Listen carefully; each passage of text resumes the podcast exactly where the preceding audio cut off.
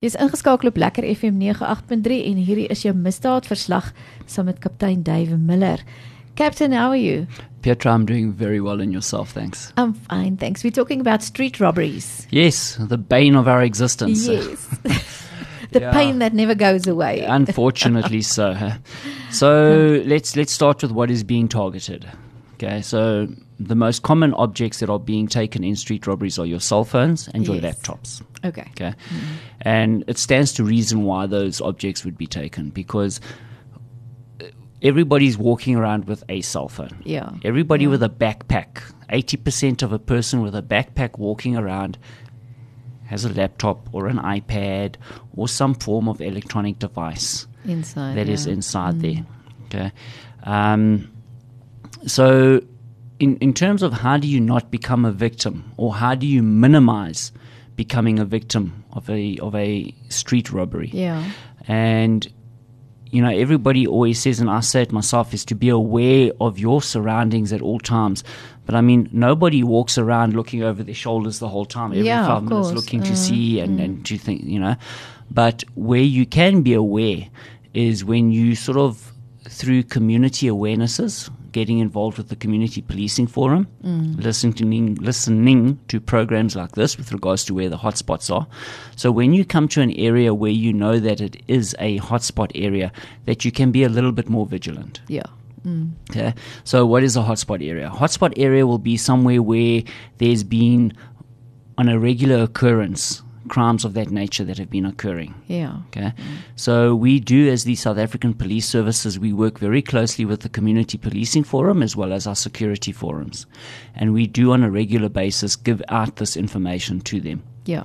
Yeah. So they are very much aware. So that's why I always, um, I always push the issue of the community getting involved with the local community policing forums so that they can be made aware where these places Yeah. are. You know, your listeners go further than what my specific policing area is. Mm. I, I mm. police in the Centurion Lyttelton policing area, but the crime of street robberies is not limited to our area Yes, of it's course. throughout the Yeah. whole of the country.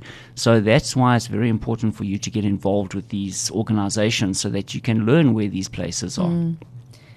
Also, very important, try as far as possible not to be standing with your cell phone. Yeah.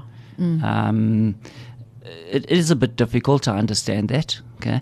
And where these suspects are sort of finding their victims is usually to and from transport hubs. Yeah.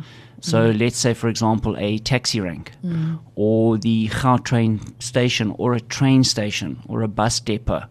Um, that's where they know they're getting a lot of commuters coming to and from in that area. So those routes where they are around, that is where they're sort of targeting.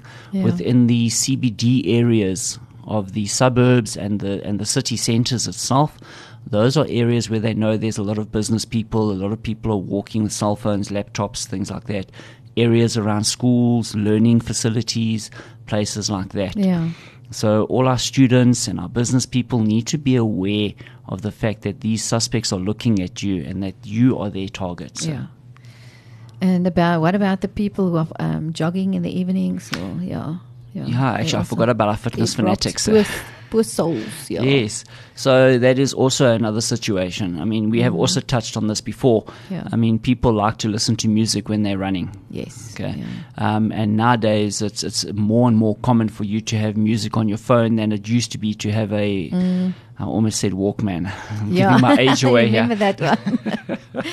um, but you know, so the, the, the, people know that there's people with devices that have got that, that's Mm. worth money for them to to take. Uh, so yes, you need to be aware. Um, try and structure your your runs and your and your rides with the the cyclists Mm. that you're in larger groups.